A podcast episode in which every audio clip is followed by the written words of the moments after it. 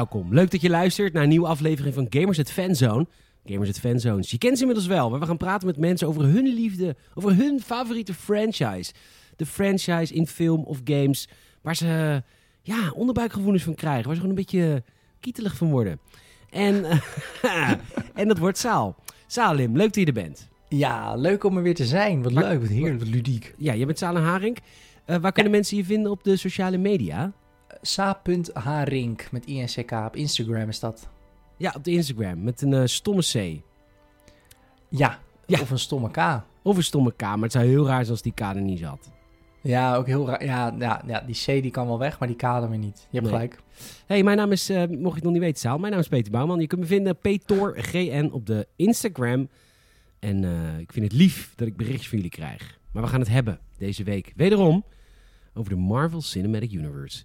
Want oh, oh, oh. Het is het grootste filmproject met terugkerende acteurs. Ook een beetje elkaar, een beetje elkaar befriemelen in, elkaar, in elkaars films. Ja, ik denk je, het, ja. het, het is echt het grootste filmproject ooit. Qua Absoluut. immersie. Ja, het is uniek. Absoluut. Nou, ik, ik, toevallig, jullie hebben natuurlijk laatst de vorige filmhuis... ehm, was het van From Russia With Love. Ik vraag me wel af, als ik ga het heel even snel opzoeken... eh, de Bondreeks. Ik vraag me af, want die is natuurlijk wel langer... of die dan meer heeft opgebracht of niet. Meer geld, dat geloof ik nooit. Ja, Nee, dat geloof ik nooit. Dat kan haast niet. Eh, Dan ga je nu Ja, ik ben wel heel benieuwd. Ja, Nou ja, Bond we- Movie Universe we, wacht- of zo. we wachten, het gewoon, eh, we wachten het gewoon af tot je klaar bent met zoeken. Oh, hier List of James Bond films. Zou dat hier dan bij staan? Ehm, Ja, maar dat is natuurlijk anders. Want James Bond films staan los van, van elkaar. Dat is niet één groot verhaal. nee, oké. Nee, dat, dat bedoel ik nou, maar ik bedoel meer maar te zeggen dat als het... eh, even kijken, ja, dit is dan... Staat hier Adjusted 2005. Nou, alle James Bond films hebben in dollars ongeveer 12 miljard opgehaald. En dames en heren, Dat box office van al die Marvel films is 13,5. Oh, Dus het is groter zelfs. Kun je nagaan. En het is, nou, sinds 2008, dus 12 jaar. En de eerste Bond-film komt uit 1962. ja. Dus het is bizar. ja, het is heel bijzonder. En het is, eh, als we kijken naar de tweede fase, waar we twee weken geleden over hebben gehad, heel onterecht. Ik denk dat heel veel mensen die zurig zijn richting de Marvel Universe, dat dat echt vanwege Phase 2 is. Ja, snap ik. Het is ook eigenlijk wel dat in Phase 2 was ook wel het moment dat het ehm, nog populairder werd, denk ik. Voor mijn gevoel. Ja, maar heel onterecht, want het waren echt heel veel kutfilms. Nee, klopt. Maar je, het, het, ehm, of iets wel of niet populair is, is vaak ook heel erg afhankelijk van wat daarvoor eh, gebeurde. En niet per se de kwaliteit van het product zelf, denk ik. Oh, ja, ja, ja. Kijk, daar weet ik veel. eh, Watch Dogs 2 was helemaal niet zo heel slecht spel. Maar omdat Watch Dogs 1 toen zo gedowngrade was, hebben heel veel mensen deel 2 ook laten liggen. Ja, Dat is best klopt. zonde. Ja, zeker. Maar goed, eh, Marvel had dus weer veel terug te winnen met, eh, met, de, met de derde fase van de Marvel Cinematic Universe. De langste fase ook, heel veel gebeurd. Ja.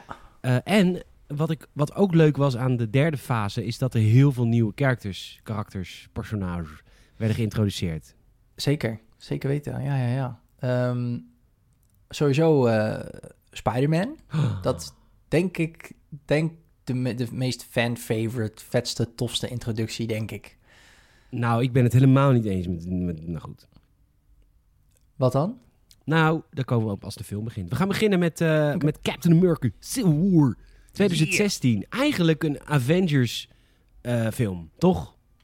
Ja, heel erg verkocht onder de noemer Captain America. Ja, Eh, waarom eigenlijk? Je zou zeggen, als ze het gewoon Avengers hadden genoemd, dan had het beter verkocht. Ja, goede vraag. Marketingtechnisch zou ik het niet weten. Misschien omdat net daarvoor natuurlijk ook al een Avengers film zat. Maar het is natuurlijk wel misschien ook omdat... eh, het is niet de Avengers... Ja, de, de naam zegt het natuurlijk al. Ze zijn tegen elkaar opgezet. Dus het is... Qua verhaal, moet ik eerlijk zeggen, voelt het ook echt wel als een Captain America film, hoor. Alleen wat het zo ontzettend... Hoor. Hoor. Wat het, Ja. zo, eh, wat het zo ontzettend ehm, Avengers maakt natuurlijk, is dat ze er allemaal in zitten. Dat, dat, dat, dat, is, ja, dat is logisch natuurlijk. Dat is echt een, eh, een stapel van die film. Ehm, Wacht even, ik zit de film ook. eh, dit doe ik trouwens, voor de mensen die het niet weten. Tijdens deze filmhuizen start ik gewoon de film even op op Disney Plus. oh ja, slim. Ik eh, wil Chris Evans doen. Ga verder. Ja, natuurlijk. Snap ik heel goed. Ehm, nee, maar het, het voelt qua, qua verhaal... ehm, het gaat wel echt om Captain America in de zin van... Het, het, het, is, het gaat ook een beetje om zijn tweestrijd. Alleen het verschil is dat... Ja, de antagonist in deze film, tussen aanhalingstekens... is natuurlijk Tony Stark. Want dat is de, in dit geval dan natuurlijk de, anti, ja, de antagonist van Captain America... Die, Ja. die, die, natuurlijk de protagonist moet voorstellen. Want zijn naam zit in de titel. Ehm, Maar dat maakt het ook heel interessant. En het is een van de meest interessante Marvel-films. Het volgt ook de comics. Het is een comicreeks die dit ook volgt. Maar het gaat eigenlijk om het volgende. Er is één partij, één groep. Eigenlijk heeft Tony Stark, als je het kijkt naar de democratische waarden van een land, heeft Tony Stark eigenlijk gelijk. En dat Ja. is de kracht van deze film. En dat is ook eigenlijk altijd de kracht van elke supervillain. Is als ze relatable zijn en als ze eigenlijk een beetje gelijk hebben, dan is het altijd spannender dan als het gewoon oeh oeh, ik ben evil oeh oeh. ja, Technisch gezien wil Captain America iets ongrondwettelijks. Hij wil dat zijn helden, de Avengers, de Avengers, ik ben zo even Jinek nu, dat de Avengers Die kunnen doen wat ja. kunnen doen wat ze willen, buiten de wet om. En nee, zegt Tony Stark, die zegt, nee luister, ga- gas, pick-up hype. Die zegt, luister, je moet ja, regels houden. De, de, de akkoords van eh, dat, dat land daar. De Slovenië-akkoord. Nee, hoe heet dat land ook alweer? Ja, eh, Sokovia. Sokovia Ehm, eigenlijk heeft Captain America, of eh, Tony Stark, gelijk. Ehm, ja, dat, was een, dat is inderdaad tegelijkertijd wat deze film zo ontzettend interessant maakt. Wat jij zegt. Ehm, ik, ik- Captain America en, en, en Iron Man maken allebei hele goede punten. Maar inderdaad, ja, als het echt zou zijn, dan zou denk ik eh, Iron Man in deze de, de realistischere oplossing bieden. Zo van ja, wij kunnen niet zomaar doen wat we willen. Eigenlijk is deze film eh, heel erg een beetje The Boys-achtig, maar dan veel minder luguber. Ja. Ehm, The Boys, in een de- serie op Amazon Prime, fucking Ja. serie. Ga daar, eh, ga daar naar kijken. Absoluut, absoluut. Ja, en daar, in die serie gaat het natuurlijk ook een beetje om de morele kwestie van ja, al die schade die die superhelden maar aanrichten bij het verslaan van het kwaad. Leuk en aardig, maar wie betaalt daarvoor? Eh, wat als iemand nou overlijdt omdat jullie niet voorzichtig genoeg zijn? Hoe ga je daarmee om als, als, als superhelden? En wie is uiteindelijk verantwoordelijk eh, voor hen? Ehm, wat wel interessant is in deze film is dat Iron Man eigenlijk best wel een karakterontwikkeling al heeft doorgemaakt. En dat merk je heel erg in deze film. Want als je even terugspoelt naar Iron Man 2, eh, daar komt hij natuurlijk in conclaaf met, eh, met de Amerikaanse overheid die zijn pak wil kopen. Ja. Ehm, en hij wil dat in die film echt niet. Dat is echt zijn pak en weet ik veel. Terwijl in deze film is hij toch wel meer, hoe zeg je dat? Staat hij wat meer open voor overheidsinvloeden. Nou, dat, dat komt natuurlijk ook wel door deel 3, die hiervoor ook zat. In deel 3 maakte hij ook een persoonlijk heel erg ontwikkeling mee met... Oké, ik heb te veel verantwoordelijkheid. Hij, dat, dat is wel knap inderdaad Ja. aan de story arc van... De story, de story Stark, Stark. De, de story Stark. Mooi. Is dat hij, ja, hij heeft echt die ontwikkeling doorgemaakt. Hij komt nu tot Ja. de conclusie van... Kom op gast, eh, wij moeten ons laten reguleren. Dat is het beste. Absoluut. Ja, zeker weten. Ja, en het helpt natuurlijk ook wel dat ehm, helemaal aan het begin van de film, volgens mij, wordt Tony natuurlijk ook aangesproken door zo'n vrouw. Die dan zegt van, joh, mijn zoon was in Sokovia en die is omgekomen. En die, eh, dat raakt hem echt, omdat hij volgens mij... Nee, hij heeft in deze film nog geen dochter, maar hij is al wel wat volwassener of zo. En dat, dat raakt hem dan ook echt. Ehm, Terwijl Captain Zo. America en Cornuiten zeggen van... Ja, maar luister, als we daar niet waren geweest... was Sokovia er helemaal niet meer geweest. Dus ja, is erg. Maar hallo. Goed punt.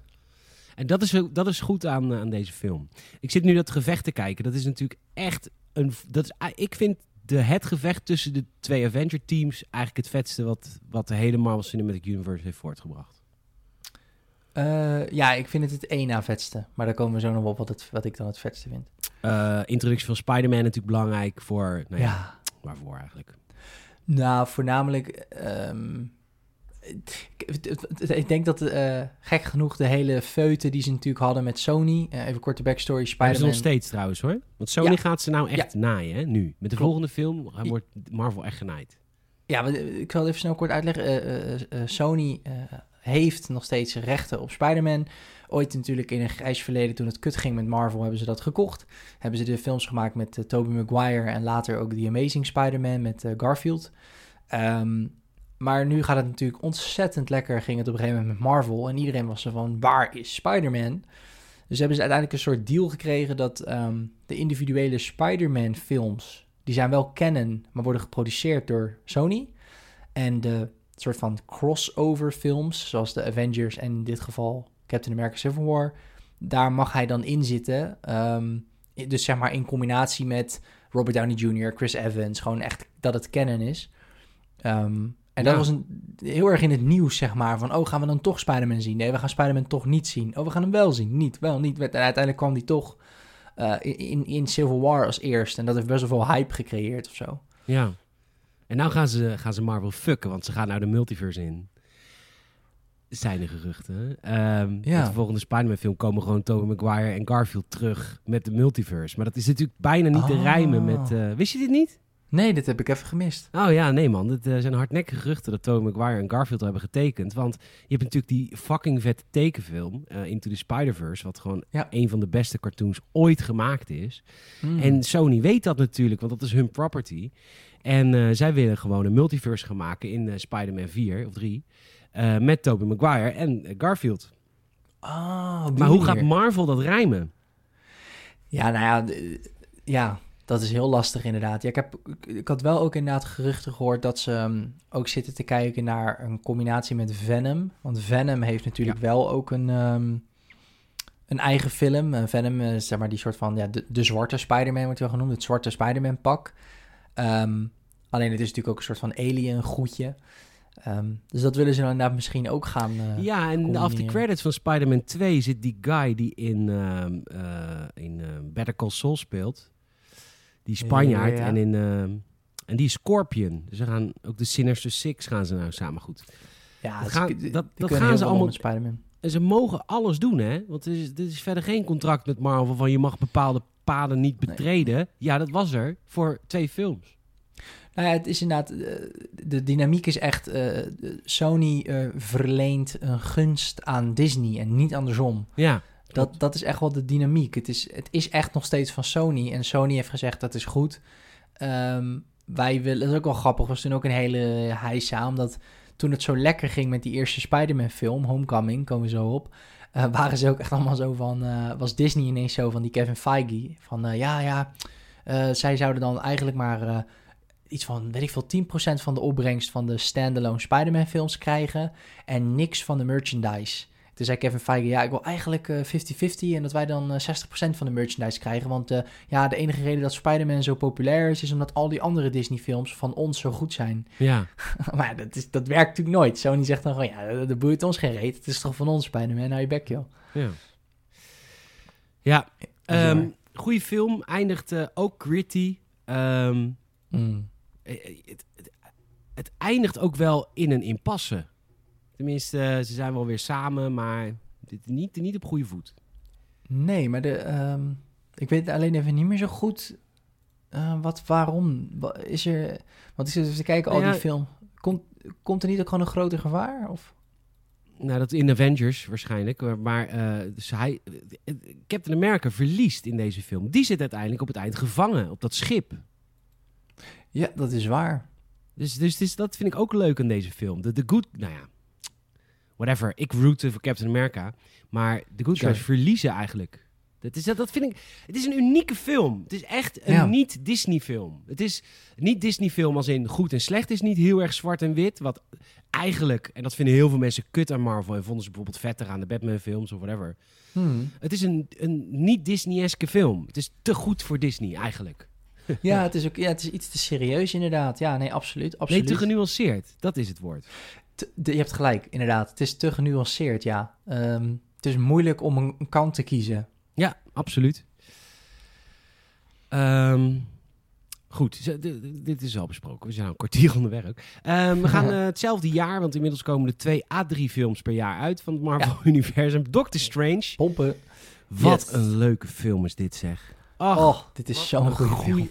Maar het is een charmante film ook. Hij is... Ja, absoluut Hij is natuurlijk al Brits, Dr. Strange zelf. Eh, natuurlijk Ja. kennen we hem van, eh, van Sherlock Holmes. Een Ja. enorm amabel man. Hij is, hoe heet die acteur? Jij weet het uit je hoofd. Benedict Cumberbatch. Hij is niet extreem knap, maar hij is extreem charismatisch. Eh, Hij heeft Absoluut. iets. Hij heeft iets. Ah, Wilps. Ik kan. Ja. Nee, je hebt helemaal gelijk. Je Hij hebt is 100% gelijk. Een bon vivant. Hij is een bon vivant. Het is echt het, het, is, het is een heerlijke vent. Nee, het is... eh, Hij, En ehm, hij speelt hier ook echt een lul. En voor god, wat is die fase 3 goed van deze, van deze, Ja. van deze faces. echt een... Doctor Strange is eigenlijk echt wel een... ehm, dat noemen ze een character study. Ehm, omdat het ook zo lekker is dat Doctor Strange... Het is weer zo'n origin story waar we niet moe van zijn. Tenminste, Doctor Strange is niet super, super populair, relatief. Dus het is weer een origin story die mag. Het is niet Uncle Ben die voor de 27e keer doodgaat. Ja, precies, we kenden hem niet. Ja, precies. Ja, en, en wat het zo leuk maakt is dat je daardoor heel erg... Het gaat echt om hem en om zijn ontwikkeling. En hij is een lul aan het begin. Een beetje zoals To- een soort van Britse Tony Stark. Heel goed in zijn werk, is daar heel rijk mee geworden... En kan daarom super arrogant zijn, maar hij Hij is, mag trouwens, ook... hij is trouwens niet Brits in deze film hoor. Hij spreekt gewoon Amerikaans, maar we, we weten dat hij Brit is. Oh, je hebt gelijk inderdaad. Ja, hij is net gewoon... Ik had hem zo verbritst in mijn hoofd, maar je hebt inderdaad gelijk. En gewoon Amerikaan. Maar hij mag ook een soort van arrogant zijn. Maar eigenlijk een beetje à la Tony Stark. Eh, die heeft natuurlijk dat ongeluk met die, eh, met die eh, raketten. Heeft hij dan dat hij in een auto-ongeluk komt. En daarmee verliest hij eigenlijk zijn superpower, namelijk zijn handen. Ja, En hij is een chirurg. Chirurg, Met het, ja. met het verschil wel dat Tony Stark is echt een lul, want hij verkocht wapens. Deze man is een lul, maar redde wel levens. Vind ik wel een groot Ja. verschil. Nee, absoluut, absoluut. Het is ook niet, het is meer in grove lijnen te vergelijken, want inhoudelijk zijn het hele andere karakters hoor, maar ze maken ook hele andere ontwikkeling mee. Maar wat zo leuk is in deze film is dat hij natuurlijk echt een man van de wetenschap is. Ik bedoel, hij is een chirurg. Maar hij komt dan in aanraking natuurlijk met die een beetje die, die, die magische wereld, waar hij eerst natuurlijk ook een beetje zoiets van heeft van, ah ja, Jezus, het hele spirituele gezeik. Ehm, Ja, Dus en het is maar dit is ook een hele mooie spiegel naar zeg maar, heel veel mensen die hopelijk niet naar deze podcast luisteren. Dat alles maakbaar is. Weet je wel? Eh, hij gaat op zoek om zich te fixen. En hij gaat daar alles voor doen. Eh, en komt dan ook in, eh, in India of zo terecht. Maar dit is heel erg van: oké, ik ga net zo lang zoeken totdat ik mezelf kan maken. Hem lukt Hmm. het, maar hem lukt het omdat hij in een niet bestaand universum leeft. Voor normale mensen, dat lukt niet. Maar bij hem lukt het wel, omdat hij Dr. Strange in een comicboek zit. het is natuurlijk wel bijna metaforisch, want het lukt wel, maar dan betekent puntje bij paaltje wel dat hij zijn handen vervolgens natuurlijk heel anders gebruikt. Ja. Ehm, Hij kan niet meer mensen genezen. Nou ja, nou ja, het, is, het- ja, precies. Het is meer dat hij toch wel echt, hij wordt echt gehambeld, zeg maar. Hij moet echt helemaal door de grond. Ja. En enerzijds is dat ontzettend tof, omdat het natuurlijk zo'n lul was aan het begin. Dus ergens gun je hem ook wel gewoon het auto-ongeluk. Maar anderzijds is hij ook wel gewoon een... ehm, ik weet niet, hij, hij, je zegt het goed, hij heeft ook iets amabels, hij heeft ook iets grappigs of zo. ja. Zeker. Nou, dan komt Nou. hij bij die eh, kankerpatiënt en dan eh, gaat zij hem vertellen... dat is een grapje, die kale vrouw, die kale vrouw, die kale vrouw. Ja. En dan gaat zij vertellen over dat er een wereld is die hij niet snapt, bla bla. Ja. Ik, wat ik, het enige zwaktebod aan deze film vind ik haar vertrouwen in hem. Ik had, als ik haar was, hem echt de deur uitgezet. Maar op een of andere manier gelooft zij in hem. En ik begrijp niet zo goed waarom dat is. En er wordt in de film ook niet uitgelegd. En dat vind ik het meest zwakke van de film, heel eerlijk. Waarom zij, waarom zij hem vertrouwt, bedoel je? Dat, dat vind je Waarom niet goed zij uitgelegd? niet opgeeft. Want hij is letterlijk, wil hij niet geloven in het begin. Hij zegt tegen haar, Nou, dag. Eh, omdat zij natuurlijk... ehm, zij, weet, zij weet heel veel. Zij kan natuurlijk ook in de toekomst kijken en zo. Dus zij weet dat hij het is. Oh ja. Dat, ja, dat wel- vind ik een beetje wel- een lame excuus. Maar Ja, het is wel de intro in het Marvel-universum van het echt bovennatuurlijke. Ik bedoel, Guardians of the Galaxy was op een andere planeet, Thor ook wel. Maar nu komt er Mhm. echt magie in deze wereld voor het eerst. ja, zeker weten. Ehm, het is inderdaad voor het eerst eh, ehm, ook echt, echt tijdreizen op een bovennatuurlijke manier. Dus niet op een eh, scientific way. Ehm, want hij heeft natuurlijk die time stone kan hij gebruiken. Dat is een van de Infinity Stones. Die heeft hij dan een ketting om zijn nek. En die gebruikt eh, de kale mevrouw eerst. Ehm, ja, dus het, ja, het is inderdaad heel bovennatuurlijk, echt spiritueel. En, eh, maar dat, dat is dus juist zo leuk dat, dat, dat het zo'n lekker tegengeluid is tegen het feit dat hij een arts is. Of chirurg, sorry, ik zei ook arts, chirurg. Dat, dat hij zo'n man of science is of zo. Dat, dat is Ja. lekker. Ja, dat is leuk, die, tegen, die tegenstelling. Ja. Hij ehm, wint. nee, hij wint uiteindelijk de film. Eh, Gefeliciteerd, hij wint de eindbaas. Enorm Ja, vette special effects. Met steden die half op zijn kop staan. En Ja. het- echt een, een visueel prachtige film. Heel eh, Inception-achtig. Ja, ja zeker. Heel Ja. Inception-achtig. Wel, weer- het eindbaasgevecht vind ik wel echt stom. Wel echt een. Wie is dit ook alweer? Jij hebt die film voor je nu, toch? Ja, ik heb die film voor je. Dat is de guy die ehm, eh, in ehm, de eerste nieuwe de Casino Royale de bad guy is. En hij is in Rogue One de bad guy. Ja, Fuck. Ik kan even niet plaatsen wie dat is. Misschien moet ik ook even mijn Disney Plus gewoon aanzetten. nou, of, of IMDb. Oh Ja. ja. ga ook. Ik kan het honderd keer zeggen, maar hij is heel bekend. Nee, ik zit gewoon even te denken. Ik zijn kan broer niet- trouwens, zijn broer speelt eh, in eh, Star Wars Rebels. het is echt kut informatie, maar dan ben ik nu aan het kijken. Ehm, ehm, nou ja, ik kom er niet op. Maakt niet uit. Nee, dat geeft niet. Maar ik, meer, ik, ehm, het is meer dat ik vind Doctor Strange zo'n ontzettend interessant karakter... dat ik eh, even vergeten ben wie de antagonist ook alweer is. Gewoon hoe die ook alweer eruit zag en alles. Ik- oh, ik, zie het al. Ik kom, weet niet eens, ik, kom, ik kom niet eens op de goede IMDb-pagina. Ik weet, wat, ik weet niet wat er met die kutsite aan de hand is. Oh, hier staat hij. Nee, ik, ik, zou- ik weet wel wie het is. Ja, het is een beetje een... eh, ik, ik weet het, Matt ja. Mikkelsen, dankjewel. Matt Mikkelsen, dat is hem inderdaad, ja. Maar het is gewoon een... ehm, I don't know. Ik vond de antagonist inderdaad niet zo heel boeiend. Dat is niet zo heel boeiend in deze of zo. Zelfde jaar, Guardians of the Galaxy. Eh, Ja. Nee, een jaar later, 2017. Guardians of the Galaxy eh, deel 2. Ja. Wat had ik zin in deze film? En wat was deze film voor mij persoonlijk een enorme deceptie? Ik vond dit zo'n niet vermakelijke film. Ik, en ik, Nee. Ik weet ook niet, is dit een fan-favorite film? Ik praat er eigenlijk niet over met mensen. Nee, nee, nee. Ehm, Het is echt, ik vind het een hele vervelende film. En als je het niet met me eens bent, podcast.gamersnet.nl. Geef je eh, argumenten waarom je het wel een vette film vindt. Voor mij was dit, omdat Guardians 1 was natuurlijk, je kan ook niet in de schoenen staan van nou, dat je Guardi- Guardians 1 hebt gemaakt. Dat was echt zo'n sleeper hit, zo'n verrassing. ja. Ja, Daar kun je ook al niet overheen met deel 2. Maar ik vind het gemiste kans na gemiste kans. En een rare soort van Hollywood-versie van deel 1 die ik totaal niet trek. Nee, ja, ehm, eens. Ook wel, voornamelijk verhaaltechnisch vind ik het jammer. Ehm, Zijn vader is God of zo? Nee, ja, kijk, v- v- ehm, kijk je, jij hebt natuurlijk is altijd moeilijk met deel 2 wat je zegt. Alleen het probleem is dat, kijk, phase 3 begon heel sterk met Civil War, omdat het gewoon een ontzettend tof canon verhaal is. En alle gasten zitten er natuurlijk weer in, dus dat is Ja. gaaf. Doctor Strange is een ontzettend gave origin story. En in Doctor Strange komen we, krijgen we de introductie met de Time Stone. En ehm, ik denk voor echte Marvel-fanaten is zijn die Infinity Stones, zeker in fase 3, natuurlijk ontzettend belangrijk. Mensen gingen ook bijhouden van waar is welke steen en hoe gaat Thanos die dan verzamelen. En ehm, dat maakte Doctor Strange gewoon buiten dat het een heel goed verhaal is, eh, ook heel interessant voor het geheel. En nou, Civil War was ook interessant voor het geheel, maar het spreekt voor zichzelf. Guardians of the Galaxy 1, ook weer buiten dat het een ontzettend gave soort van origin story is van die groep, is het ook een ontzettend tof verhaal in het geheel. Omdat we, we zien die Power Stone, we zien Thanos voor het eerst, we zien voor het eerst zeg maar, hoe dat intergalactisch met elkaar verbonden is. En dat maakt hem ontzettend interessant.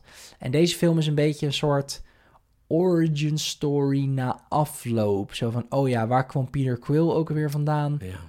Oh, en dan, I don't know. Dit, ehm, ja, we doen, ja, toch? Het is, eh want we doen, Monster naar de maaltijd.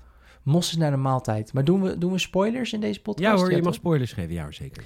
Ja, die plot twist ook dat dan zijn vader eigenlijk heel veel vrouwen bezwangerde op verschillende planeten in de hoop dat op een gegeven moment er een vrouw zou kunnen zijn die zijn DNA in een kind kon overdragen. Dat was eigenlijk het idee. Een soort Snoke. Een soort Snoke van de Emperor. Ja, een soort van, ja. Hij, mogelijk eh, proberen tot het lukt. Precies, ja, want zijn vader is inderdaad, ja, niet God, maar zijn vader is een planeet. En die vader heeft dus, eerst was hij gewoon een, een bal en toen heeft hij uiteindelijk leven gecreëerd en bomen en planten en dieren. En eigenlijk, zijn vader is die planeet en heeft zichzelf een soort van intelligentie gegeven in de vorm van een mens. Is een beetje vaag, maar zo moet je dat zien. Ja, te vaag, denk ik. Ja, en het had misschien toffer geweest als dat dan was door een van de Infinity Stones. Dat het alsnog een soort van in lijn is met de rest. Maar nu voelt het echt als een bijverhaal. Dat was jammer. En het leukste aan deze film was de puberale eh, Groot. Maar dat werd bijna niet gebruikt. Dat Nee. Echt jammer. Daar hadden ze die hele film, misschien op een goedkope manier... maar daar hadden ze die hele film van moeten doorspitten. Continu. Want er is één moment dat, eh, dat Groot zegt één keer... Groot. En dan zeggen die gasten... Wow! Ja. Ja, ja, Dat gebeurt maar één keer. Maar ik, ik zat constant in die film te denken van... Oké, maar nu is een supergoed moment dat Groot... een een of andere brutale kutpuber is. Nee, nergens. Nope. Nee, gek hè? Heel gek. Denk, denk je van een Marvel film, daar melk je elk grapje uit. Nee, Maar ja, nee. De, de verkeerde grap eigenlijk dan. Dit Ja. was een leuke, dit hadden ze uit mogen melken misschien, maar helaas, helaas, niet zo'n goede film. Sleep en vergeten. Ja. Zelfde jaar, twee maanden later, 2017, Spider-Man Homecoming. Ja. De, de, de- ja, ja, ja oké. nee, we gaan nu al, we gaan nu al van elkaar af. Ehm, staat ook niet op Disney+, Plus, dus ik kan niet meekijken, want het is een Sony property. Ach, jezus, echt? Oh, wat Ja. kut. Oh, dat is waar, ja. Far From Home. Spider-Man Far, Far From Home zag ik laatst ook inderdaad op Netflix verschijnen. Klopt, ja. Ja, grappig. Eh, Spider-Man Homecoming. ehm, het, luister. Ik- Ik ben enorm gecharmeerd van Tom Holland. Mhm. Ik droom er wel eens van. Ja. Mag je weten. Ik heb, ik, heb, ik heb dagen gehad dat ik heel de dag Tom Holland filmpjes aan het kijken was op YouTube. ja, heb je wel eens verteld, ja. Ja, treurig. Ja, ook, ja, ook dat, ja. Ja, ja, ja. Maar ik vind zijn origin in deze Marvel Universe echt heel kut. Hij Hoezo? is echt kut. Waarom? Omdat hij niks zelf heeft gedaan. Hij heeft alles van Tony Stark gekregen. Hij is niet Spider-Man. De essentie van Spider-Man is dat het een guy is die zelf, op zichzelf, alles ontdekt. Hij maakt zijn eerste pak. Weet je wel, hij doet, hij doet alles zelf ontdekken. En dat is waarom Peter Parker zo relatable is als karakter. Peter Parker is relatable Hmm. omdat hij is als jij en ik. Maar hij heeft opeens superkrachten en gaat dan ontdekken wat hij doet. Niks van dat. Hij wordt bezocht door een rijke, vieze oude man. En, ehm, en hij krijgt zijn pak. Dat is een... Ja, het is gewoon kut. Het is echt kut hoor, laten we eerlijk zijn.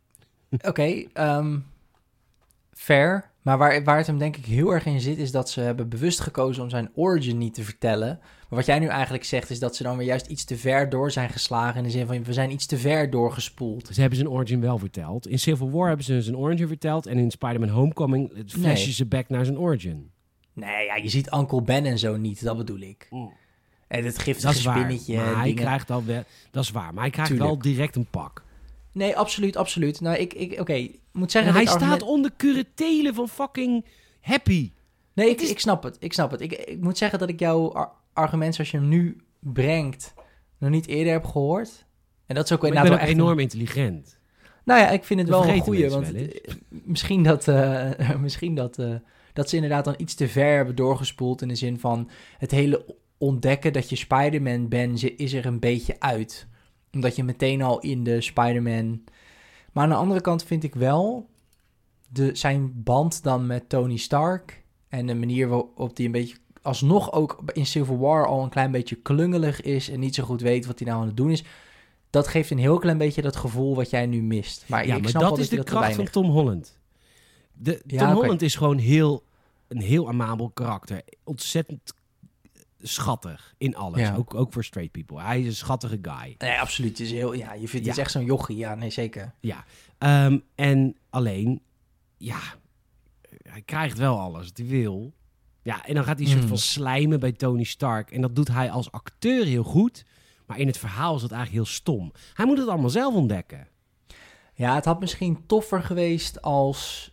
ehm, als we enerzijds sowieso in Homecoming... dat Tony Stark pas helemaal op het einde van de film zou zitten. Dus dat we echt zien hoe Ja. hij New York probeert te helpen... en altijd al bij de Avengers had gewild of zo. Ehm, dat had denk ik wel geholpen. En misschien inderdaad... ehm, ja, I don't know. Ja, ik, ja, je, hebt, ja, je hebt me wel een ander, ander perspectief gegeven over Homecoming. Zo had ik er nog nooit naar gekeken. Daar heb je wel gelijk in. Oké. Nou, Ja. de villain in de, in de film is eh, de oude Batman, Michael Keaton. Ja, Dat is de Vulture. ja. Tof, eh tof acteur vind ik. Tof eh, villain ook. Ja, ik, ik heb de film niet voor me, dus ik, ik doe nu de podcast zoals jij hem doet. Ik weet niks. nou, ik, ik weet nog wel wat van Homecoming. Wat zo leuk was aan The Vulture was ehm, eh, Michael Keaton. eh, even kort. Oh ja, ze kwamen al die... di- Nee, ja, sorry, Ja, weet- ze gingen al die dingen opgaven. Juist. Ja, ja, ja. ja. De, eh, Homecoming speelt zich af net na de eerste Avengers. Eh, en in, in, net na de eerste Avengers heeft die guy, die, die Michael Keaton, die heeft van dat ja, alien tech, wat in 2012 natuurlijk op aarde is gekomen door die invasie, heeft hij... eh, Door de invasie. door die Nou, invasie... het komt nog terug, hoor. ja, die mooi, was echt Bombardement, Jan Smit, prachtig.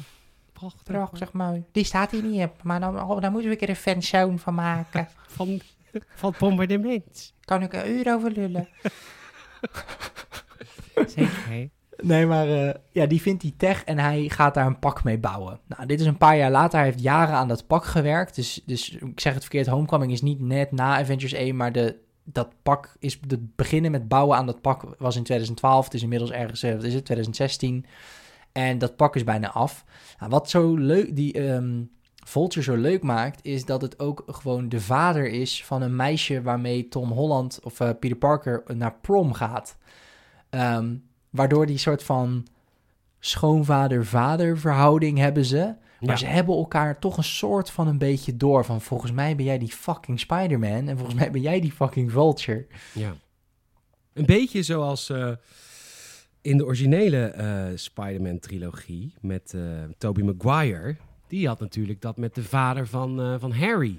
Die, die had op een gegeven moment elkaar door. Ja, ja de als Green, Goblin, Goblin. en, eh en, en Tobey Maguire Spider-Man. Ja, ja, zeker. Dat is een beetje een rehash van net. Ja, absoluut man. Ja, dat maakte die Vulture gewoon echt super tof. En die verhouding was gewoon leuk als ze elkaar op een gegeven moment ook doorhebben. Ehm Ja, wat ik niet Ja. snap is dat als Iron Man... Want Tony Stark is natuurlijk een lul, dat, dat weten we al tig films. mhm. Maar als Tony Stark heeft op een gegeven moment... eh, neemt gewoon afstand van Spider-Man. Als een soort van boze vader. Dan denk ik... Tony, dit is een boyo van, eh, van... Hij speelt 16, 17, 18. Mhm. Eh, dit kan je niet maken. Je gooit hem nu echt, echt voor de leeuwen. Maar echt harteloos. En het gaat letterlijk om een mensenleven. Ja, het is. ehm, heeft het er ook niet een beetje mee te maken dat hij dan dat pak krijgt en vervolgens er dan niet helemaal verantwoordelijk mee omgaat? En dan is het een beetje zo van: ik haal dat pak bij je weg. En dan alsof hij dan niet meer Spider-Man is. Het is een beetje zo van: ja, maar hij heeft toch altijd nog zijn eigen pak, inderdaad. Dus je weet gewoon dat hij nu alsnog onverantwoordelijk nu alsnog misdaad gaat proberen op te lossen. Alleen heeft hij niet meer dat super high-tech pak van jou, waarmee, die, waarmee de kans dat hij doodgaat veel kleiner is. Ja. Dat is inderdaad wel heel Het is stom. best wel gemeen. Ik vind het een leuke film om naar te kijken. Ik vind de acteurs allemaal goed. Mhm. Alle acteurs in deze film zijn goed. Ook zijn beste maatje vind ik geweldig. Ja, ja. Eh, Mary Jane vind ik enorm, enorm eh, leuk. Ja, zeker. ik, vind, ik, kan, ik, mijn, ik vind het in kennen, vind ik dat ze Spider-Man daarmee tekort doen. Want je hebt een heel erg aanmaanbele cast. Mhm. Maar kom op man, je moet... Spider-Man is, moet, is relatable. En, en hier wordt Spider-Man eigenlijk een beetje een Bruce, Bruce Wayne. Beetje een verwend kind.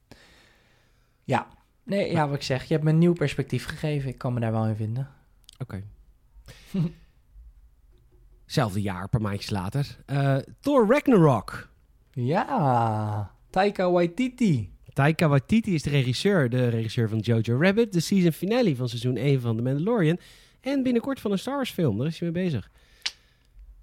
Ja, Eh, die man die weet hoe je actie en humor en verhaal combineert. Absoluut. Ja, die man weet ook hoe je ehm, waar... eh, eh, net als bij horrorfilms... ehm, het is heel, en App Comedy heeft dat ook. Het is heel makkelijk met comedy om te zeggen van... Ah joh, je moet je eigen niet zo serieus nemen, want het is een comedy. Dus kunnen we gewoon een flinterdun verhaal schrijven. Wordt vaak een Ja. beetje als excuus gebruikt. Dus je hebt heel veel comedyfilms, die zijn wel geinig, maar die slaan nergens op. Weet je, die zullen nooit geprezen worden voor een goed verhaal of een toffe verloop. En dat kan hij wel. Hij- Hem lukt dat wel.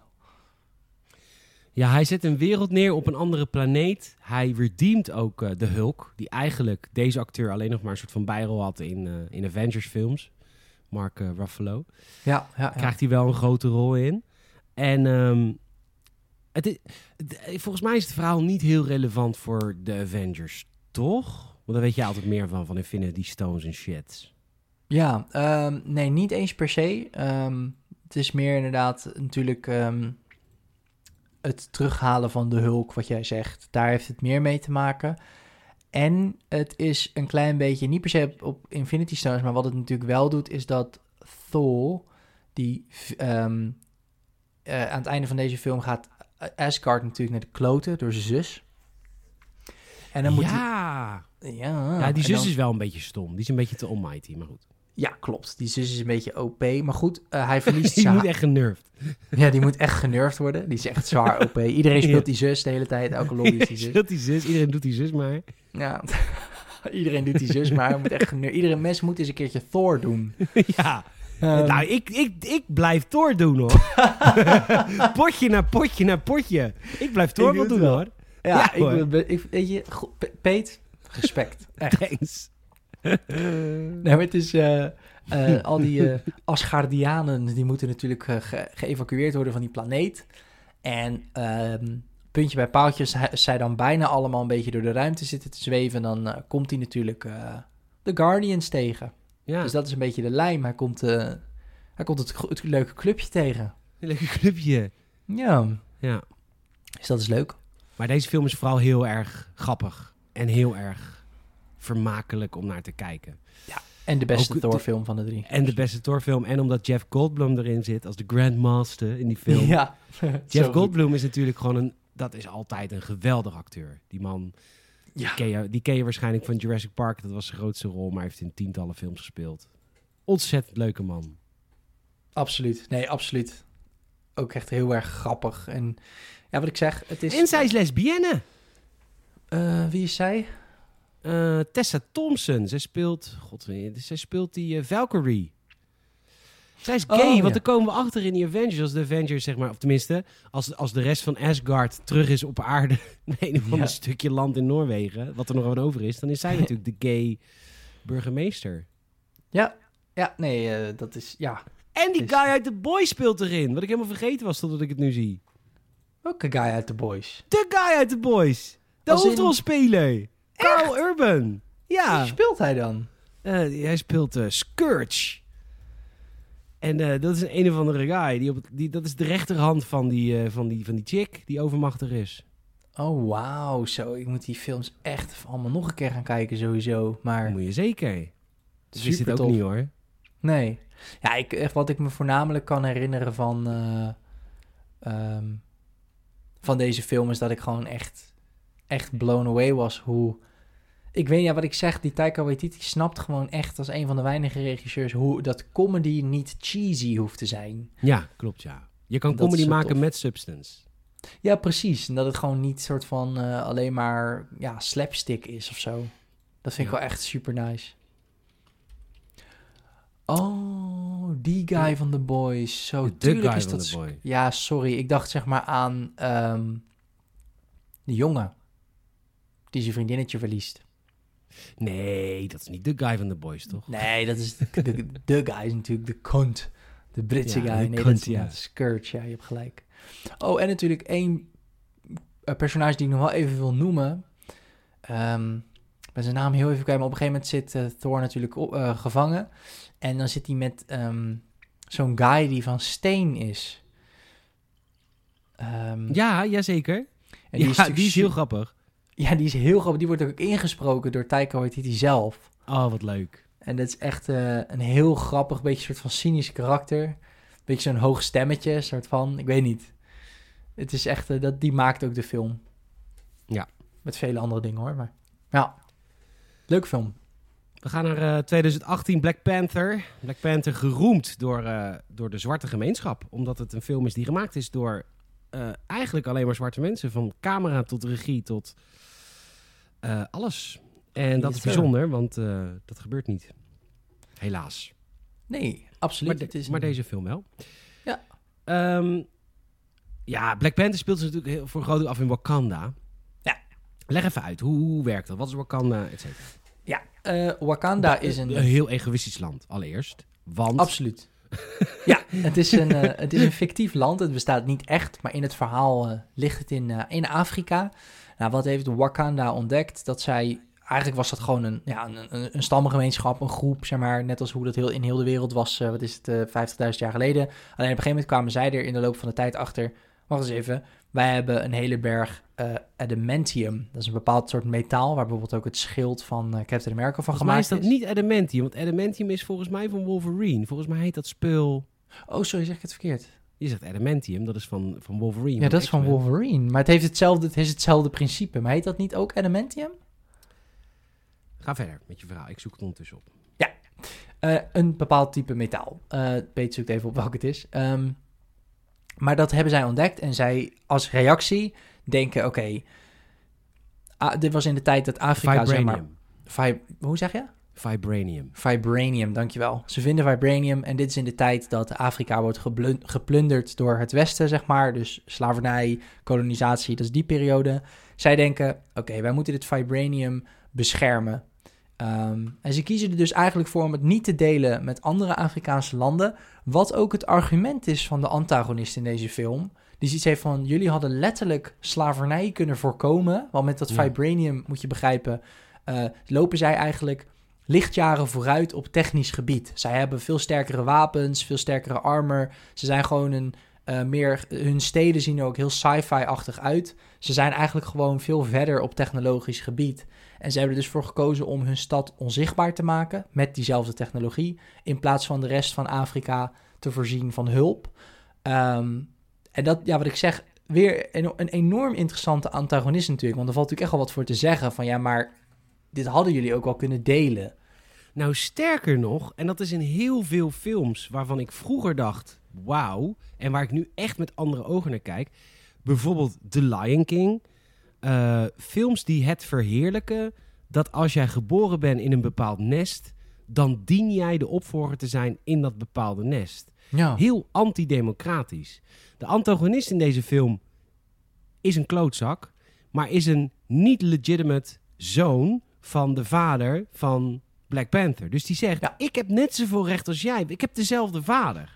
Ja, ja, absoluut. Maar dat hele monarchistische, wat natuurlijk antidemocratisch is, wordt verheerlijkt in deze film. En ook in Lion King, et cetera, et cetera.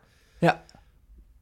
Als zij... Maar wat, wat ze in deze monarchistische films altijd doen, is de antagonist een klootzak maken. Dat hebben ze hier gedaan. Dat doen ze natuurlijk ook met Scar in The Lion King. Maar eigenlijk hebben ze wel een punt. Van hallo, Zeker. waarom ben je... Nu lossen ze dat in deze film wel op dat er een soort van rite of passage is. Hij moet wel tegen de andere stamhoofden vechten en winnen om eh, de mantel van Black Panther over te nemen. Dus dat lossen ze daar wel een beetje mee op. Ja, Maar ja. elke stam is ongeveer voor hem. Want hij is de rechtmatige opvolger. klopt. Ja, hij is de kroonprins. Hij Ja. is de, de Black Panther eigenlijk al, voordat En hij dat één pak stam heeft. na zegt iedereen... nee, we, we, we sturen niet eens een vechter. Klopt. Ja, ja, en dat zijn natuurlijk de Jabari. En dat zijn dan, dat is een beetje de aanval, ja, ook een beetje een soort van de oorlogsstam. De Ja. best wel gewelddadige stam. Een beetje de Mandalorians, ja, de Spartanen, de Mandalorians, een beetje in die eh, regio. Ja, als, eh, abs- absoluut, ja. Maar heel eerlijk, de antagonist heeft een punt, toch? Want die, ja, Absoluut. Ja, ik vind echt zijn punt van, joh, als jullie dit gedeeld hadden, dan had Afrika lang niet zoveel... eh, want kijk, buiten dat Wakanda fictief is, eh, gaat het wel gewoon over de echte eh, historie van Afrika. Nou ja, ik hoef dat niet te vertellen. Lees, sla een keer een geschiedenisboek over en je ziet hoe, hoe erg het continent is verkracht eigenlijk door het Westen op heel veel Ja. vlakken. En dat hadden zij kunnen voorkomen met En daarom is, ook, daarom is het ook fantastisch dat deze film gemaakt is door een, een zwarte cast en een zwarte, nou, de hele, de, de hele regie en alles. De crew, ja. Want zij kunnen dit echt vertellen. Als, als een witte crew dit had verteld, dan was het weer, snap je? Nee, daarom is absoluut. het ook goed. Er, is een heleboel, er zit heel veel vrijheid in, inderdaad. En eh, ja, het is natuurlijk het is echt een ode aan, eh, ook aan de black community. Want het speelt zich op een gegeven moment natuurlijk ook af in eh, Amerika. En daar zien we natuurlijk ook hoe dat daar gaat. En ook hoe je die, eigenlijk, ja, die, die, die streamen van dat verleden daar ook weer in ziet. Dus dat is echt heel sick gemaakt. Heel sick gemaakt. Ja, en ja, nu Ja, hij is dood. Ja, ik wou zeggen extra tragisch natuurlijk, omdat de hoofdrolspeler is inmiddels overleden. Veel te jong. Ja, die had, die had kanker. En ook echt Ja. al heel lang. En dat wist eigenlijk niemand. Nee, klopt. Dat was echt wel een beetje... Dat was, dat was niet een, eh, een media-hype of zo. Nee, check with. Chadwick Ehm, Boseman, ja. ze zijn, nou goed, corona vertraagt alles. Maar eh, ze zijn aan het nadenken hoe ze dit eh, gaan vervolgen. Want er is een Black Panther 2, tenminste, het is niet in de maak als in het verhaal is ongeveer bekend. Maar ze moeten nog beginnen. Eh, ja. Ja, Ze, ze kunnen hem niet. Kunnen ze hem recasten? Ik, ik ben iemand die vindt dat Princess Leia recast had kunnen worden voor episode 9. Maar dat waren heel veel fans tegen hoor. Maar ik ben iemand. eh, eh, een rol kan ieder. verschillende mensen kunnen eenzelfde rol vertolken als iemand maar een goed genoeg acteur is. Hoe stel jij erin?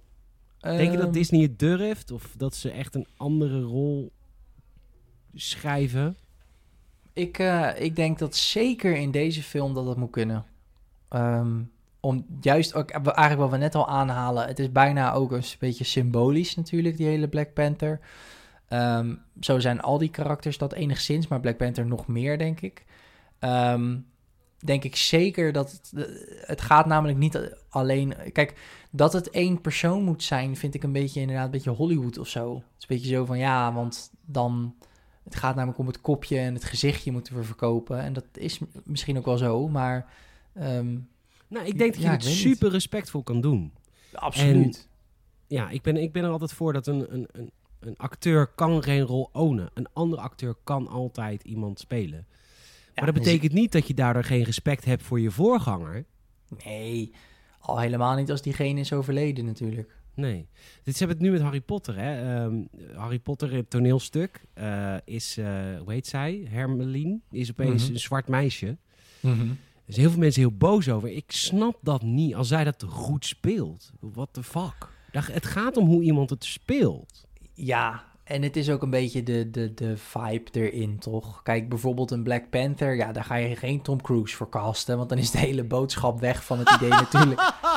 Ja, het zou natuurlijk echt super awkward zijn als het een witte man zou zijn die dan eh, Black Panther speelt. Niet omdat een wit iemand dat niet zou kunnen, maar gewoon dat het in het hele idee dan natuurlijk tuurlijk. niet meer klopt. Het zou tering onrealistisch zijn dat dan zo'n hele Afrikaanse stam en dan Tom Cruise ertussen. dat moet wel passen binnen het verhaal. Ehm, Ik vond Black Panther een, eh, een geweldige film. Het, absoluut, ja, vond ik ook. Echt een leuke film. Infinity War. Daar is die. Jouw favoriete film? Nee. Nee. Kut, kut Spider-Man. Het is kut pak. Godverdomme, geen, dit is helemaal geen Spider-Man meer in deze film. Het is Nee, gewoon eh, Iron Man, man. Iron Spider is het een beetje, hè? Ja, helemaal kut. Ik, ik pak fles wijn. Ik weet niet of het hoort, maar ik vind het helemaal kut. Ja, ik ik even een fles wijn, ik snap het. Ja, Nee, ik... ehm, Infinity War, ja, even het setting is een leuke film verder hoor, maar... Nee, zeker. Ja, Spider-Man zit erin eh, voor het eerst eh, echt ehm, in het hedendaagse. In de zin van in Civil War zat hij dat natuurlijk ook, maar niet de hele tijd. En in Homecoming is het natuurlijk een beetje een prequel-achtig. Ehm, het leuke is dat na Civil War, en daar wilde ik eigenlijk net al zeggen, maar dat is beter dat ik dat nu zeg, denk ik. Alle films tussen Civil War en Infinity War eh, spelen zich ofwel ergens anders in de tijdlijn, ofwel ergens anders in he- de ruimte af. Want Doctor Strange is eerder, Guar- Guardians of the Galaxy is in de ruimte, Homecoming is eerder, Ragnarok is in de ruimte en Black Panther is zowel eerder als grotendeels in Afrika en bepaalde delen in de Verenigde Staten.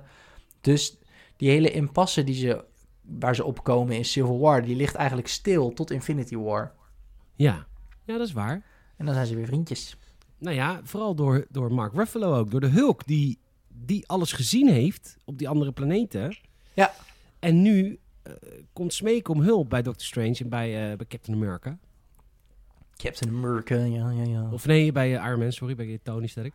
Ehm, eh, ja, het is wel een film waar ze heerlijk met elkaar kunnen zijn. Heerlijk lekker elitaire clubje. Ja, maar het is wel heel erg een... eh, een eh, we hebben een gezamenlijke vijand, dus we moeten team-uppen. Dat is het, ja. Dat is uiteindelijk ook hoe ze over het hele gezeur uit, ehm, uit de vorige, weet je, uit, de, wat is het, uit Civil War heen komen, is inderdaad van oké, er is er komt iets aan wat ons allemaal onder de kloten kan werken. Dus misschien moeten we onze kleine, kleine mensen quarrels even opzij zetten. Het leukste van deze films vind ik eh, Captain, eh, of nee, eh, Thor en en The Guardians of the Galaxy. Ja. Er is problemen, of er zijn problemen met Guardians of the Galaxy 3. De regisseur is gedumpt. Maar was het zo dat Thor daarin zou spelen als een van de Guardians of the Galaxy? Weet je dat toevallig? Want daar lijkt het Hmm. wel op. Ja, want ik weet natuurlijk enerzijds dat Natalie Portman wordt de nieuwe Thor, de vrouwelijke Thor. Hoe dat zich gaat ontwikkelen, dat weet ik ook nog niet zo goed. Maar inderdaad, ehm, de soort van Thor die wij kennen, die moet inderdaad een beetje gaan... eh er wordt echt... Dus natuurlijk ook in Thor Ragnarok is hij natuurlijk ook best veel met, eh, met Groot en met eh, Rocket. Ook als die bijvoorbeeld dan zijn zijn hamer gaat vervangen voor die bijl. Ja, klopt. Ja. Dus, dus nee, dat is nu. Dat is niet in Thor Ragnarok. Dat is, dat is in, eh, in deze film hoor. Dat is Dat die- Infinity War. Is dat zo dat hij in dit Zeker. deel gaat hij zijn bel eh, fixen? Oh, je hebt Zeker. gelijk. Ja, want zijn hamer is stuk gemaakt en nu gaat hij inderdaad, nu gaat hij inderdaad zijn bel fixen. Sorry, je hebt gelijk. Maar ja, dus inderdaad, eh, hij en de Guardians of the Galaxy zijn echt een beetje vriendjes geworden. Het is wel een hele serieuze film. Ja. Vind ik. Behalve het begin. Ja, het begin is heel leuk, want dan is Thor met Guardians of the Galaxy. En, Of nee, dat is niet het begin van deze film. Sorry. Ja, nee, je hebt gelijk hoor. Dit is die met Guardians of the Galaxy. Dat is enigszins grappig, maar dan gaat Loki natuurlijk dood. Dat is niet zo grappig. Nee, dat is helemaal het begin gaat Loki dood. Ja, dat is ook best wel Is dat, niet, eh, is dat niet een kritiek op deze laatste twee Avengers films? Is dat het heel serieus is? Ja, ik weet niet of dat een terechte kritiek is. Want een crescendo is heel moeilijk om, om komisch te houden. Vind ik. Dat is waar. Toch? Ja, ik vond dit geen leuk film. Sterker nog, Nee, ik heb deze wij- film met jou gezien in Pathé Utrecht. Op een Absoluut. verjaardag van Koen, denk ik. Ja, dat was voor Uncreated Koen nog. Ja, ja, ja, Uncreated was Koen. en ik, eh, kwam, ik kwam teleurgesteld de bioscoop uit. En jij was bijna boos op mij. Nou, Ja, ja, ja, ja, ja, Ja. Saal. Jij wilde er niks van hebben. Daniel, Baart Daniel, de Zwart en ik waren een beetje teleurgesteld. Ja. Jij vond dat echt een beetje een domper op de avond. Maar Nou, mochten niet zeiken. het was meer ook... eh, ik moet zeggen, ik had dat sowieso... Ik, ik, ik, ik, ik kon het altijd heel goed vinden met Daniel. Ehm, Tot, tot die avond. Nee, maar wij, wij konden elkaar soms echt niet vinden qua mening gewoon. Maar gewoon dat ik echt gewoon niet kon begrijpen waarom hij iets leuk vond en waarom hij iets niet leuk vond. En dat had ik toen weer. En ik dacht echt bij die film, ah, come on. Want dat kritiek was ook, jullie vonden hem te lang duren of zo. En ik denk, ja, jezus, Zeker het had is- met de knip moeten ophouden, vind ik nog steeds. Nee, daar waren we toen allebei over eens. Zeker. Dus, du- dus duurde die te lang. Nou, maar de knip is de laatste 20 minuten. Ik vond alles daarvoor niet te lang. Alleen, in deze film hebben ze ervoor gekozen om het, het, de consequentie of het gevolg van het feit dat Thanos knipt met zijn vingers, hebben ze besloten om dat in die film te doen. En dat vond ik enigszins jammer. Ik had het wel een vet open einde gevonden van hij knipt nu met zijn vingers. Wie gaat er dood? En wie niet? Een soort van dood. Dat, dat had, dat had ik kan er ook geweest. niet bij dat Spider-Man hier spinnenpoten uit zijn rug krijgt. Ik kan het niet hebben. Ik kan er gewoon... Ik kan, ik ben, misschien ben ik conservatief. Nee. Nou, het hij, wordt beetje, hij is een beetje OP. Daar heb je gelijk in.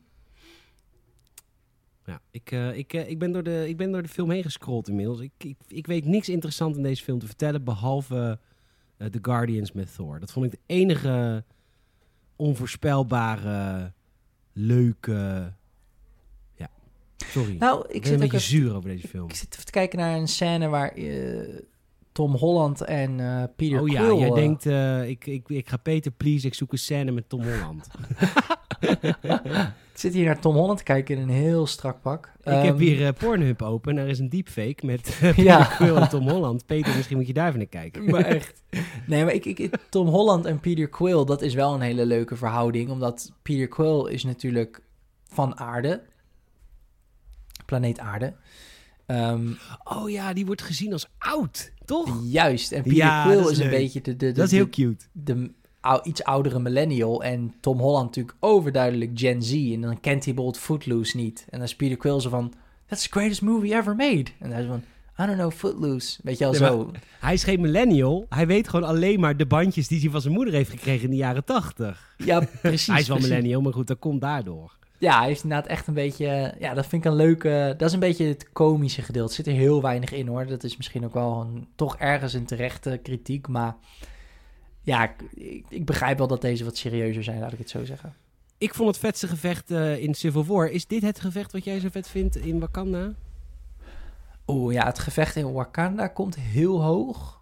Maar ik heb er nog eentje boven zitten. Ja, end, Endgame neem ik aan. Ja. ja. Ant-Man and the Wasp. Ja, dit is zo'n ontzettend goede film om niet te kijken. Lekker overstaan. Zij is... Ik, ik word voor haar hetero. Ik vind haar een van de mooiste vrouwen op aarde. dat zal best... Ik, nou, ik moet zeggen, ik vind haar niet super mooi. Hoezo maar... is dit een kutfilm? Het is best een grappige film. Hij houdt van zijn dochter. Ja, het is gewoon deel 1 opnieuw, vind ik dan. Ben ik misschien een beetje kort door de bocht hoor, maar Nee, je hebt wel gelijk. ik snap het Nou. nut niet zo goed van deze film. Nee, er is ook geen nut van deze film. Het is leuk dat je dingen kleiner en groter ziet.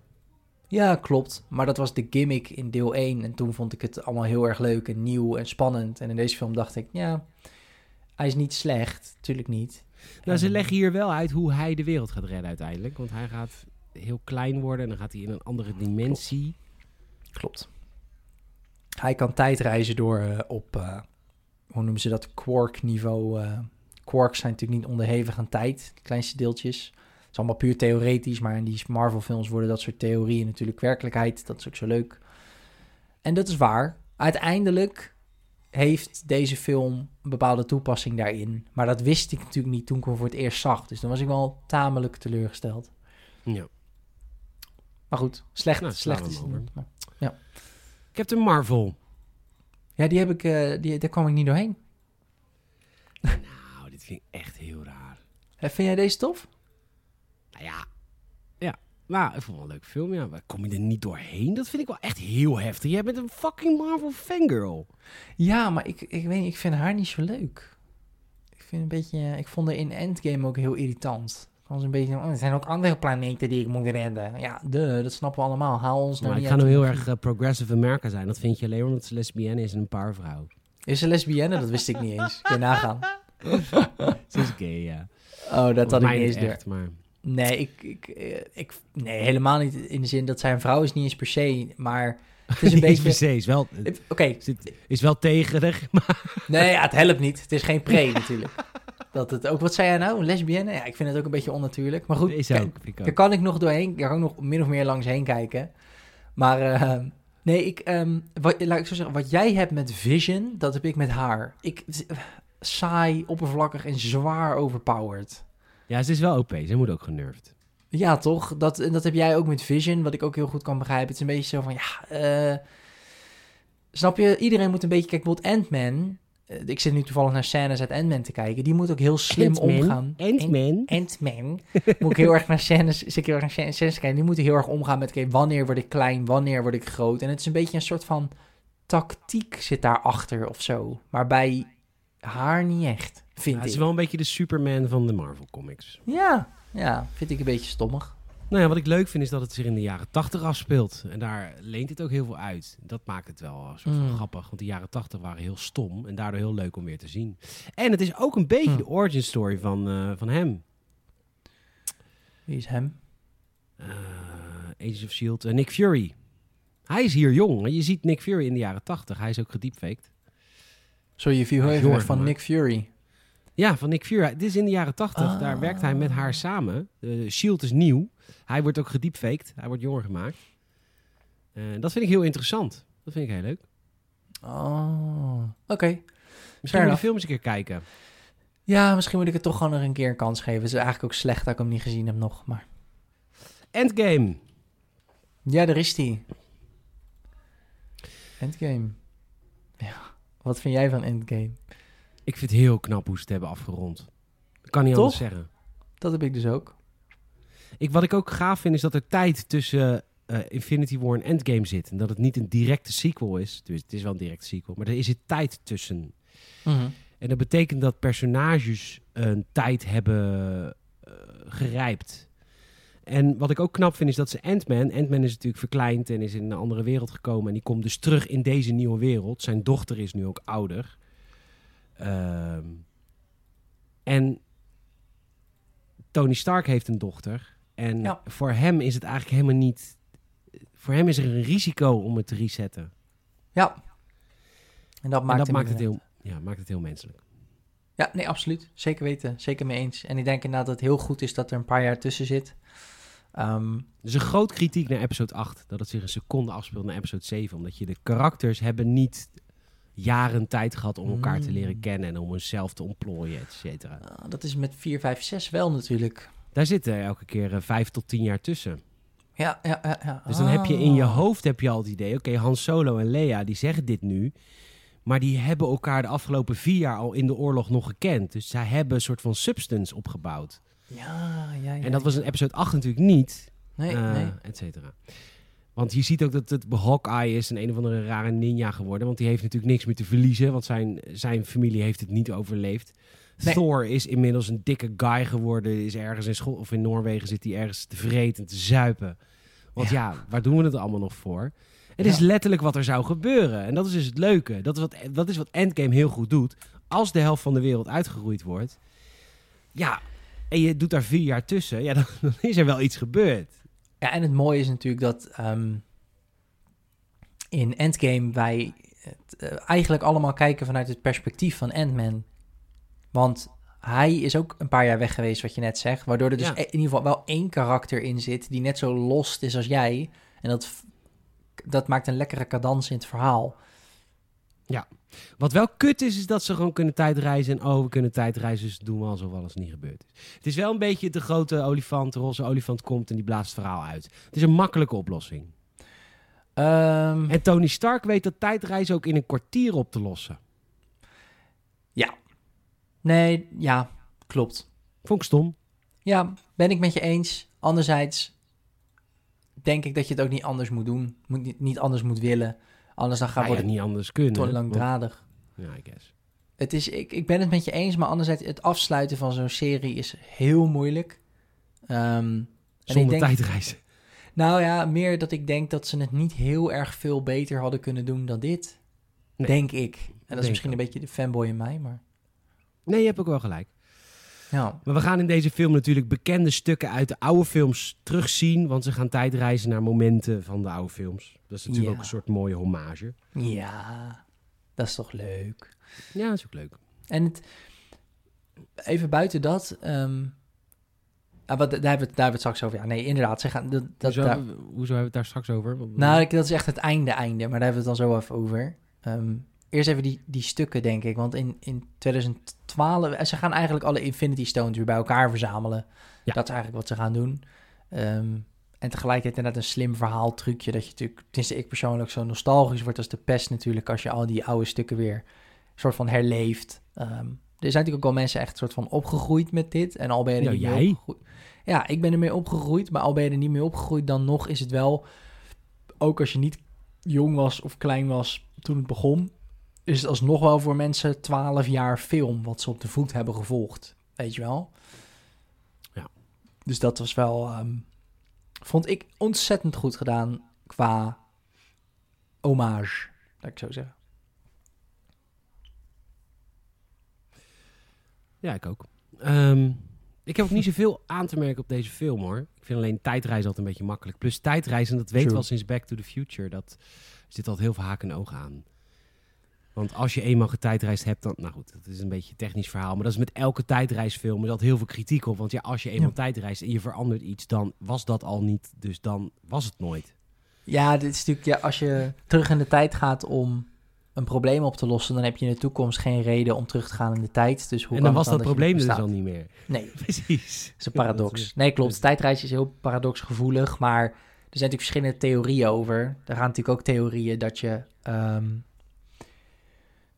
als je de tijd verandert, dat je een nieuwe tijdlijn creëert. Dat is een beetje hoe deze film volgens mij werkt. Ja, Dus dat je zeker. een afbuiging maakt. En er zijn natuurlijk ook theorieën dat ehm, jij, het feit dat jij teruggaat in de tijd, is een vast iets. Dus er is een oneindige hoeveelheid eh, Salims bijvoorbeeld, die teruggaat in de tijd. En daarmee kom je natuurlijk op de theorie van, ja, is vrije keuze, vrije wil, is dat dan niet een illusie en is dat niet gewoon vooropgezet? Dat is het sowieso.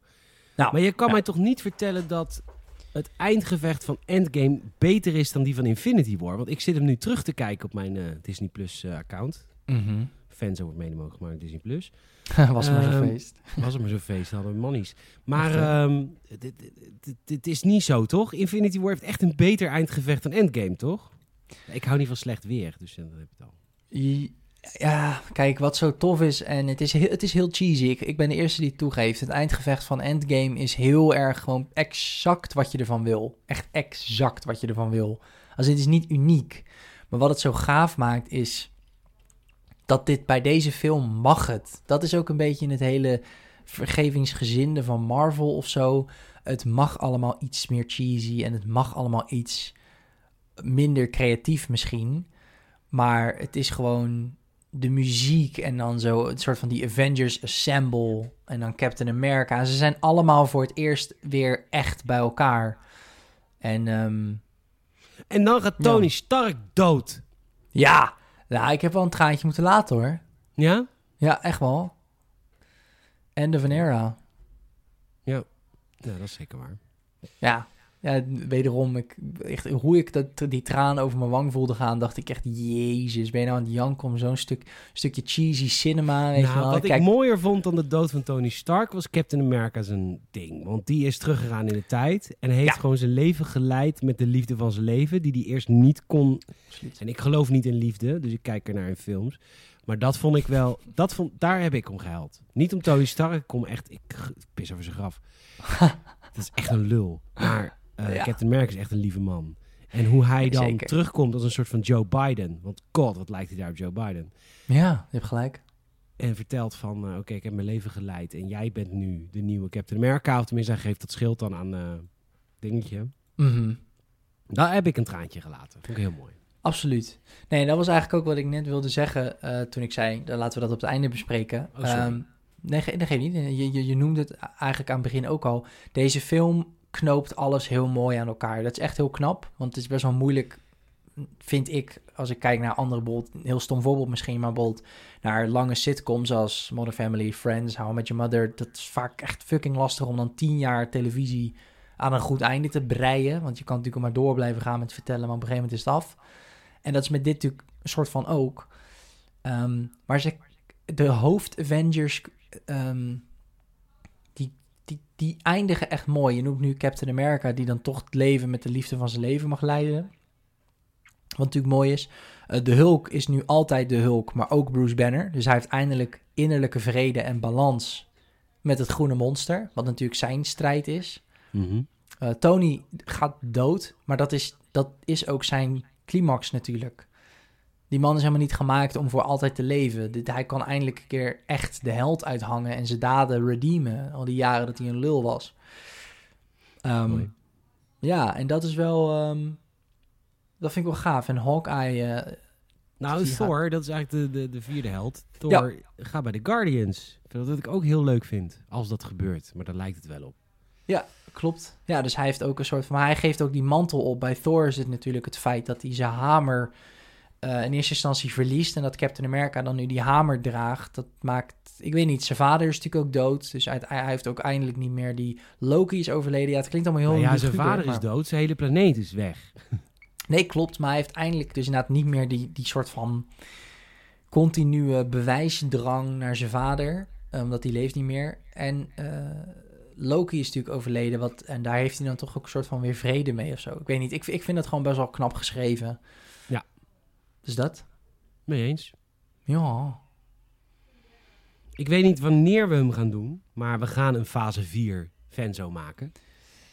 Hoogstwaarschijnlijk. Hoogstwaarschijnlijk. Dat zal ergens over twee jaar zijn. Ehm, Black. Widow komt eraan. Eternals. Spider-Man, Thor, Doctor Strange, WandaVision. Waar Ja, kijk je het meest naar uit? Ehm, nou, toch wel iets met Guardians nog hoor. Denk ik. Ik ga heel even de MCU erbij pakken, want dan kan ik even zien wat er nou allemaal nog Ik aankomt. zie Guardians er helemaal niet bij staan, maar er waren heel veel ontwikkelproblemen met Guardians. Misschien hebben ze die wel gecanceld. Nou, dat hoop ik niet zeg. Even kijken. Ehm, wat gaan we zien na de phase 4? Ja, oh ja, Shang-Chi in The Legend of the Ten Rings ben ik heel benieuwd naar. Omdat ik geen idee heb wat ik daarvan moet verwachten. Hetzelfde als Eh, Eternals dan, denk ik. Ja, Eternals. Ja, idem weet ik ook niet inderdaad wat ik daarvan moet verwachten. Ja, Black Widow krijgt natuurlijk de eigen film. Ik zit dan even te kijken. Ja, nee, ik... ik... Ik heb het meest in een WandaVision. Toch wel? Ja, Ja, gewoon een sitcom. Oh ja, met Wanda en eh, Vision. Ja, in die verschillende tijdsperioden. Dus de eerste aflevering speelt zich in zwart-wit af. Oh, dat wist ik helemaal Dus niet. ze gaan tijdreizen. Ja, Oh, cool. en het wordt een soort, sitcom worden. Maar de- heel grappig. Zijn er niet gewoon heel veel fase 4 dingen gecanceld? Want ik... Nou ja, uitgesteld vanwege Corrigiona. Nee, oké, maar meer... Ik zat even te kijken, want ik dacht toch wel dat er meer ook al officieel aangekondigd was... wat ik ook nu niet meer op de wiki zie. Oké. Dat is wel raar, want er komt volgens mij ook gewoon nog een... Nieuwe eh, Black Panther. Ja, here we go. Kijk, dit is een betere ding. Er komt na... Die, kijk, Black Widow, eh, Shang-Chi en Eternals is aangekondigd... maar er komt ook nog een derde Spider-Man film. Er komt natuurlijk nog een Thor Love and Thunder... Die ook weer... Oh, die wordt geregisseerd door Taika Waititi weer. Leuk. Zeker. Nice. Ehm, Doctor Strange in the Multiverse of Madness komt in 2022. Dus dat is deel 2. Ja, en er komt ook nog een, eh, een Black Panther 2. Maar dat is natuurlijk nu even op losse voet hoe ze dat gaan oplossen. What If is heel leuk. Eh, What If is een eh, tekenfilmserie die Mhm. ze aan het maken zijn. Met alle oorspronkelijke voice actors. Dus als Captain America erin speelt, is het ook echt Chris Evans. Cool. En What If is What If. What If... ehm, what If Tony Stark direct al stierf. What If er een zombie-apocalypse is. What If... What If wordt echt een super vette tekenfilm. Oh, wauw. En dat komt op... eh, eh, op eh, Disney Plus. Disney Plus cartoon. ah, nice. Cool. Ja, daar heb ik ook heel veel zin in. What If, ja. What If wordt echt heel vet, ja. Awesome. Jij mag voor mij de uitgaan doen van deze podcast. Want je bent tegenwoordig zo vaak aan het hosten... dat, jij mij dat, gewoon, eh, dat je dat gewoon mag doen deze keer weer. Spannend, spannend. Oké, nou dan... eh, oh, maar we hebben, we zitten, we Spider-Man Far From Home. Zie ik nu ineens staan. Oh, dat we die nog moeten behandelen? Oh ja, kut. Dat is ook nog fase 3. Ja, dat is de aller, allerlaatste van eh fase shit, 3. sorry man. Nee, dat maakt helemaal niet uit. Het is een Leuke beetje film een- trouwens. Zeker weten eh, Oh, die staat een leuke natuurlijk film. niet op Disney+. Plus. Nee, die staat inderdaad niet op, eh, op Disney+. Plus. Ehm, maar het- ja, het Nederland zit erin. Jee. En Jeroen van Koningsbrugge. Het is wel echt leuk trouwens dat die erin zit. Ja, ik was flabbergasted. Als in, het is, ik bedoel, het klinkt heel patriotistisch dat ik er zo ontzettend blij van werd. Maar ik heb hem in de bios gezien met mijn pa. En we waren allebei een beetje zo van, hè? Is dit nou... Je weet toch hoe ze soms dan zo'n reclamecampagne doen van Heineken of zo... en dat ze dan heel veel geld investeren om een Amerikaans acteur daarin te krijgen. Ja. Zo voelde het een beetje toen ik die kop van Jeroen van Koningsbrugge zag. Ik dacht in één Yes. keer, zit ik in, in Hou van Holland? Wat is dit Yes, nou? J- Jerome from Kingsbridge. Jeroen from Kingsbridge. Ja, het was echt hilarisch dat zo, eh, zo'n eh, Nederlandse acteur is. Heel tof dat ze dat, eh, dat ze dat hebben gedaan. Dat vond ik altijd wel grappig als ze dan ook echt een Nederlander paaien. Eh, Jake Gyllenhaal zit hierin. Die speelt de evil guy. Ja, Dat vond ik heel tof. Ehm, die speelde die ook weer. Hoe heet die ook weer? ja hij heet ehm, Illusionist of zo? Nee, Mysterio. Mysterio. En het hele verhaal gaat erom dat hij met een team van mensen... Want Mysterio, ook al is hij dood, spoiler alert... Hij kan altijd voortleven. Want hij heeft een hele team van mensen... Ja. Die een soort van rare omgevingen maakt om mensen te misleiden. Mm. Leuk, leuke film, maar niet relevant in het verhaal. Nee, het is een beetje een rare timing ook. Als in je zit echt nog in een soort van. Oh, eh, in april kwam de Endgame uit en in juli Far From Home. En je zit met Far From Home. Kijk, ik was heel excited voor die film, maar simpelweg omdat ik gewoon meer Marvel wilde consumeren, zeg maar. En dat, dat ja. Ja. Marvel was natuurlijk op. Ik viel echt een beetje in een gat. Zo van, wow, het is gewoon echt afgelopen in de zin van het originele verhaal. Ehm, ja, dat is, wel, dat is wel bijzonder dat je dan dat je dan, ja, ik weet niet, want als je puur sec naar die film kijkt, voelt het een beetje. ehm, ik zou ook niet zo snel aanraden aan mensen om die dan na Endgame te kijken. Deze. Nee, Eerlijk dan is het wel een beetje mosterd naar de maaltijd. Ja, precies. En zo voelde het ook uiteindelijk wel een klein beetje. Ehm, maar goed, het is, het, is, ja, het is een best wel vermakelijke film. Het is, ik, ik vind de antagonist eh, be- best wel uniek in die zin. Als in het, hij heeft geen superkrachten. Nee, hij is natuurlijk. ehm, pff, ja, wat nou precies zijn motief is, volgens mij die technologie die hij dan heeft ontwikkeld. eh, dat wilden ze toen ooit gaan gebruiken voor de Avengers, maar dat heeft Tony Stark toen uiteraard weer als een eikel afgeslagen. En hij wilde Avengers eh, dood hebben. Een begin met Spider-Man. En hij begint met Spider-Man. Ja, volgens mij is dat oprecht een beetje de, de, de, de story arc. Maar hij doet dan natuurlijk ehm, van die soort projectors gebruiken om het te laten lijken alsof hij een held is. En dan wil hij dus het laten lijken alsof er een ramp is in Londen. En dat hij dan de redder, de savior of the day is.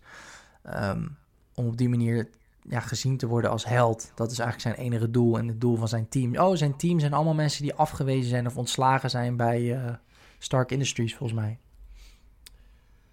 Het vette is dat in deze film zit ook eh, J. Jonah Jameson.